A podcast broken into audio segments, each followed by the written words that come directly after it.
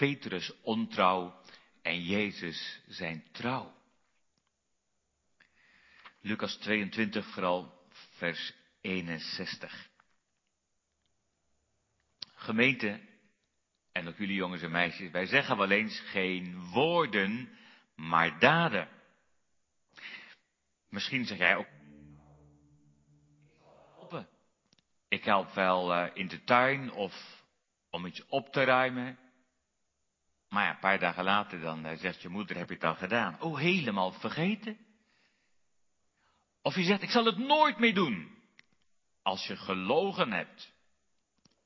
En het is uitgekomen. Ik zal het nooit meer doen. Maar ja,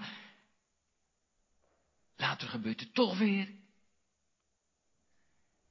Mooie woorden zeggen nog niet zoveel. Veel belangrijker zijn onze daden, geen woorden, maar daden. Nu gaat het in de preek over Jezus en Petrus. Wat is de Heer Jezus trouw? En bij Jezus zijn het niet alleen maar woorden, maar ook daden. En bij Petrus? Ja, dat valt tegen. Wat valt Petrus tegen? Petrus verlogend de Heere Jezus. Ja, wat is dat eigenlijk? Als je iemand verlogent. De verlogening van Petrus. Wat is dat eigenlijk? Verlogenen. Verlogenen wil zeggen nee zeggen. Dat wil zeggen dat je, dat je net doet of je iemand niet kent. Dat je zegt, ik ken hem niet en dat je zegt, ik hoor niet bij hem. Dat is verlogenen. Petrus verlogent de Heere Jezus. Petrus zegt dat hij niet bij Jezus hoort. Hij zegt, ik ken hem niet. Ik heb niks met hem te maken. Hoe kan Petrus dat doen? Petrus is toch een discipel van Jezus? Gelooft hij dan niet in de Heere Jezus? Nou, Petrus gelooft echt in de Heer Jezus. Dat weet u wel en dat weten jullie wel. Hij gelooft echt in Jezus, maar heeft hij hem dan niet lief? Nou, dat weten we ook wel. Petrus heeft de Heer Jezus echt lief. Petrus houdt heel veel van de Heer Jezus. En ik hoop ook dat jullie echt van hem houden. En dat je hem anders leert kennen en lief hebben. Is die Petrus dan een lafaard? Nee, Petrus staat helemaal niet bekend als een man die een lafaard is. Hij is een man die durft. Hij heeft ook een hele mooie bijnaam. En dat is echt geen scheldnaam. Soms hebben mensen een scheldnaam. Maar Petrus heeft een hele mooie bijnaam. Cephas, Kefas. Dat betekent rots. Petrus is geen lafaard. Wat denk je? En toch. Jezus kijkt Petrus aan, vers 31. En Jezus kijkt bezorgd. Wat is er aan de hand? De Heer Jezus waarschuwt Petrus en de andere discipelen voor het gevaar. Dat hebben we gelezen. Daar heb ik al een keer over gepreekt. Vers 31. Simon, Simon, zie de Satan heeft u allen opgeëist om te ziften als de tarwe. Met andere woorden zegt Jezus, Petrus, pas op. Pas op, de Satan loert op jou. De Satan loert op zijn kans. De Satan probeert jou ten val te brengen. Nou, dat vindt Petrus niet fijn. Dat de Heer Jezus hem zo waarschuwt. Hij denkt, ja waarom doet de Heer Jezus dat? Waarom waarschuwt hij mij? Waarom kijkt hij zo bezorgd? Vertrouwt hij me niet? Dat kun je wel eens hebben. Als je moeder iets zegt of je vader zegt, ja, ho nou eens even, dat weet ik ook wel. Waarom, waarom waarschuw je telkens? Vertrouw je me dan niet? Ik zal het heus niet doen hoor. En Petrus die zegt dat hij alles voor Jezus over heeft. In vers 33, Heere zegt hij, ik ben bereid met u om zelfs de gevangenis en de dood in te gaan. Dat is nogal wat. In de gevangenis. Zelfs in de dood. Petrus, Petrus vertrouwt op zichzelf. Maar dat valt tegen. Als je vertrouwt op jezelf, dan bouw je op drijfzand. Daar zak je in weg. Dan gaat het fout. Maar als je op de Heere Jezus vertrouwt, dan bouw je op de rots. Dan sta je vast. Bouwen op Jezus, dan gaat het goed. Het wordt donker. Jezus gaat naar buiten in het donker. Samen met zijn discipelen. Vers 39. En hij ging de stad uit en vertrok zoals hij gewoon was naar de olijfberg en ook zijn discipelen volgden hem. Nu was het helemaal niet zo ver weg. Dat is misschien net zoiets als dat je van Venendaal gaat lopen naar het winkelcentrum. Misschien zelfs nog wel dichterbij. Dat was niet zo ver. Die olijfberg, die lag pal naast de stad. En Jezus gaat naar Gethsemane. Dat ligt ook nog eens onderaan de olijfberg. En daar in Gethsemane zondert Jezus zich af. Daar gaat hij in gebed. Daar worstelt hij met zijn vader. En eindelijk is Jezus klaar. Hij staat op. Hij gaat naar zijn discipelen. Die zouden met hem waken. Die zouden wakker blijven. Maar ze zijn allemaal in slaap gevallen. Ook Petrus. En Jezus zei, hoe kunt u slapen? Vers 46, sta op, bid dat u niet in verzoeking komt. Terwijl Jezus nog spreekt, horen we geluid. Wie komen daaraan? Dat zijn een heleboel mensen. En vooral die mensen uitloopt iemand die we wel kennen. Dat, is Judas. Wat doet die daar midden in het donker van de nacht? Judas met een grote menigte mensen. Je ziet soldaten en gewapende mannen. Wat komen die mensen doen? Die mensen komen om Jezus te vangen.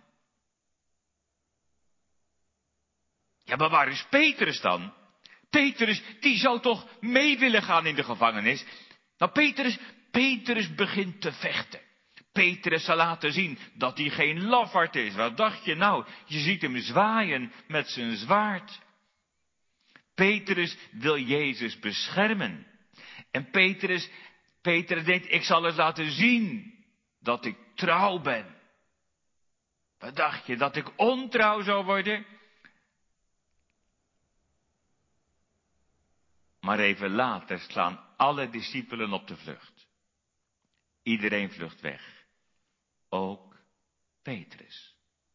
Petrus, waar is je moed? Petrus, waar is nu je durf? Nou ja, Petrus blijft toch staan. Hij schaamt zich dat hij zomaar weggelopen is. Hij denkt, waarom ben ik zo laf geweest? Ik ben toch geen lafaard? En Petrus keert terug. Hij ziet hoe de soldaten en die mensen Jezus meenemen. En Petrus gaat er achteraan. Vers 54. Ja, we gaan die mannen heen met Jezus. En ze gaan naar het huis van de hoge priester Caiaphas. Dat staat ook in Marcus 14, vers 53 en 54. Ja, maar dat is gevaarlijk. Dat is het hol van de leeuw. Die hoge priester, die heeft besloten dat Jezus dood moet. Petrus, wat ga je daar doen? Petrus, heb je vergeten hoe Jezus je heeft gewaarschuwd? Petrus, wat doe je nou? Petrus gaat naar binnen. Dat is een groot huis, een prachtig huis. En een grote tuin, een mooie binnenplaats midden in die stad. En midden op die binnenplaats brandt een vuur. Daar warmen de knechten zich in de kou van de nacht. En Petrus gaat erheen. Zo onopvallend mogelijk gaat hij zitten bij het vuur. Hé, hey, wat kijkt dat ene meisje? Een eenvoudig dienstmeisje. Petrus wordt een beetje onrustig. En eens zit hij een vinger naar hem wijzen. Die man hoort ook bij Jezus. Vers 56. Petrus schrikt. Ik, ik ben herkend. Straks nemen ze me ook gevangen. Petrus wordt bang. En meteen roept hij terug, vers 57, vrouw, ik ken hem niet. Maar dan kijkt iemand anders ook. Vers 58, nou, hoor eens even, u, u bent ook een van hen. En meteen Petrus, mens, dat ben ik niet. Met andere woorden, ik hoor helemaal niet bij Jezus, ik ken hem helemaal niet. Petrus, Petrus, hoe kun je dat nou zeggen? Ondertussen blijft Petrus in het huis van Caiaphas. Hij doet zo onopvallend mogelijk, proberen dat niemand meer in de gaten heeft. Hij maakt een praatje met deze en met gene. En dan praat ik gezellig met de mensen, hebben ze niks in de gaten. Maar, als hij een praatje maakt, dan verraadt hij zichzelf. Dat, dat staat ook in Matthäus. Uw spraak verraadt u. Als je iemand uit België spreekt, dan kunnen ze prachtig spreken. Maar aan de tongval hoor je meteen, dat is geen Nederlander. En een Belg hoort het meteen van een Nederlander. Je hoort het aan de spraak. En België is bij ons misschien net zo ver vandaan als Galilea, waar ze vandaan kwamen. Bij Jeruzalem, ietsjes verder, maar niet zoveel. Ze horen het aan zijn spraak. En, en weer wijst iemand hem aan, vers 59, het is werkelijk waar, ook hij was bij hem, want hij is een Galileer. Ik kan het horen. En voor de derde keer roept Petrus uit vers 60, mens, ik weet niet wat u zegt. Er staat zelfs in de Bijbel, in Matthäus, dat hij zich begint te vervloeken. Erg hè, dan gaat hij vloeken. En zweren dat hij Jezus niet kent. Verlogenen. Nee zeggen. Zeggen, ik, ik ken hem niet. Ik hoor niet bij hem. En Jezus. Denk eens aan Jezus. In gedachten zien we hem staan. Gevangen genomen. Geboeid. Bespot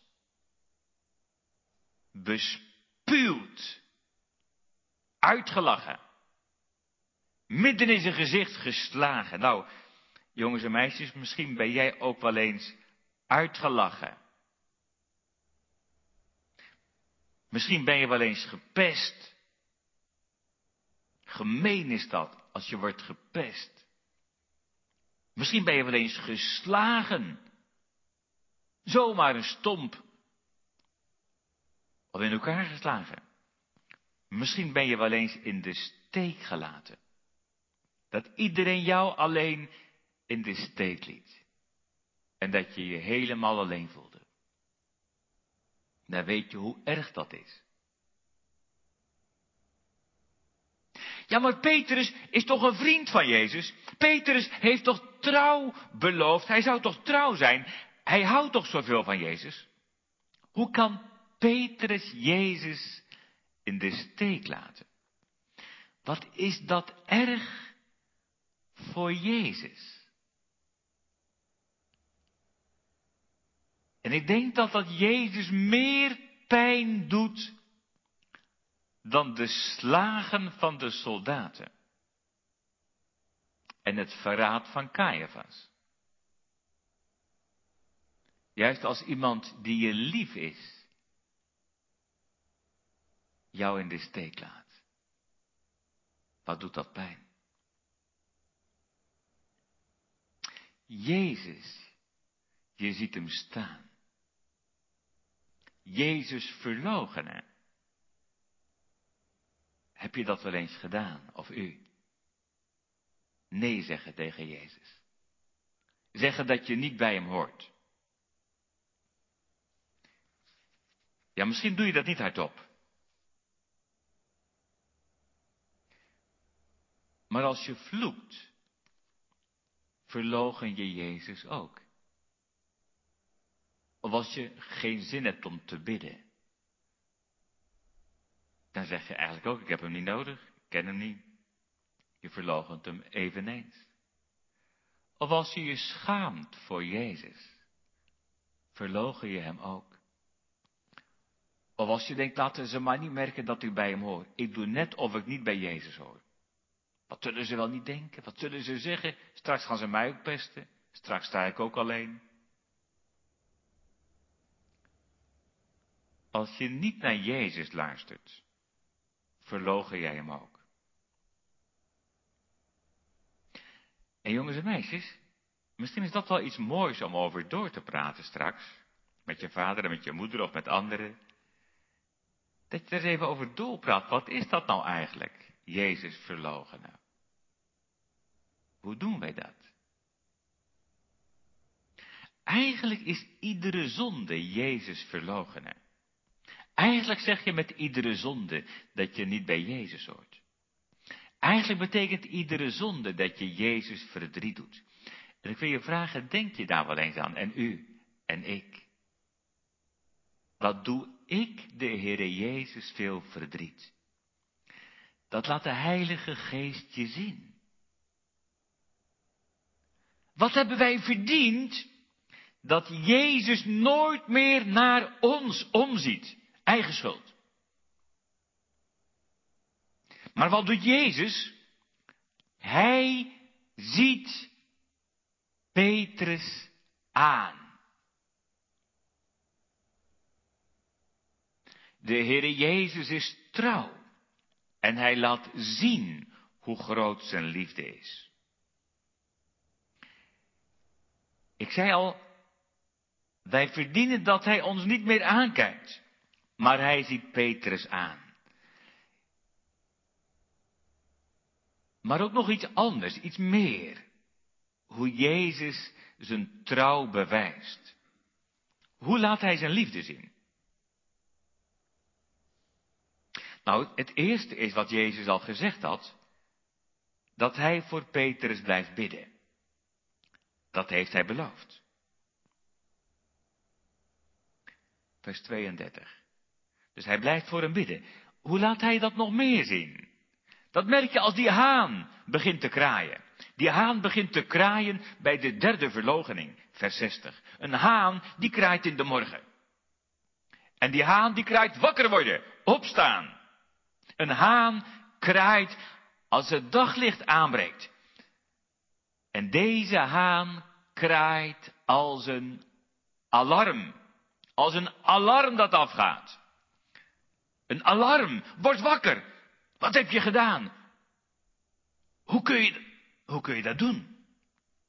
Petrus hoort die haan kraaien. En Petrus schrikt. En Jezus, vers 61, dat is weer die tekst, die kerntekst waar het op uitloopt. En de Heere keerde zich om en keek Petrus aan.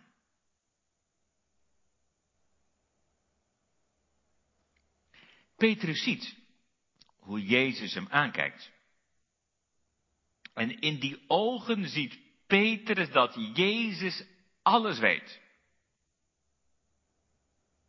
In die ogen ziet Petrus die vraag.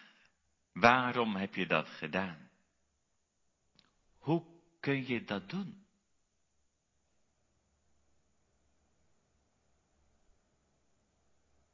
Zo kijkt Jezus jou aan. En u en mij. Waarom heb je dat gedaan? Hoe kun je dat doen? En toch ziet Petrus in die ogen van Jezus geen haat, maar liefde. Liefde ook voor hem. Liefde ook voor u en jou en mij. Die ogen van Jezus zeggen, Petrus, jij bent ontrouw, maar ik ben trouw. Jezus blijft trouw tot in de dood. Jezus kijkt Petrus aan. En zo breekt Jezus het hart van Petrus. Lees maar in vers 62. Petrus ging naar buiten en huilde bitter. Juist als je Jezus in de ogen ziet.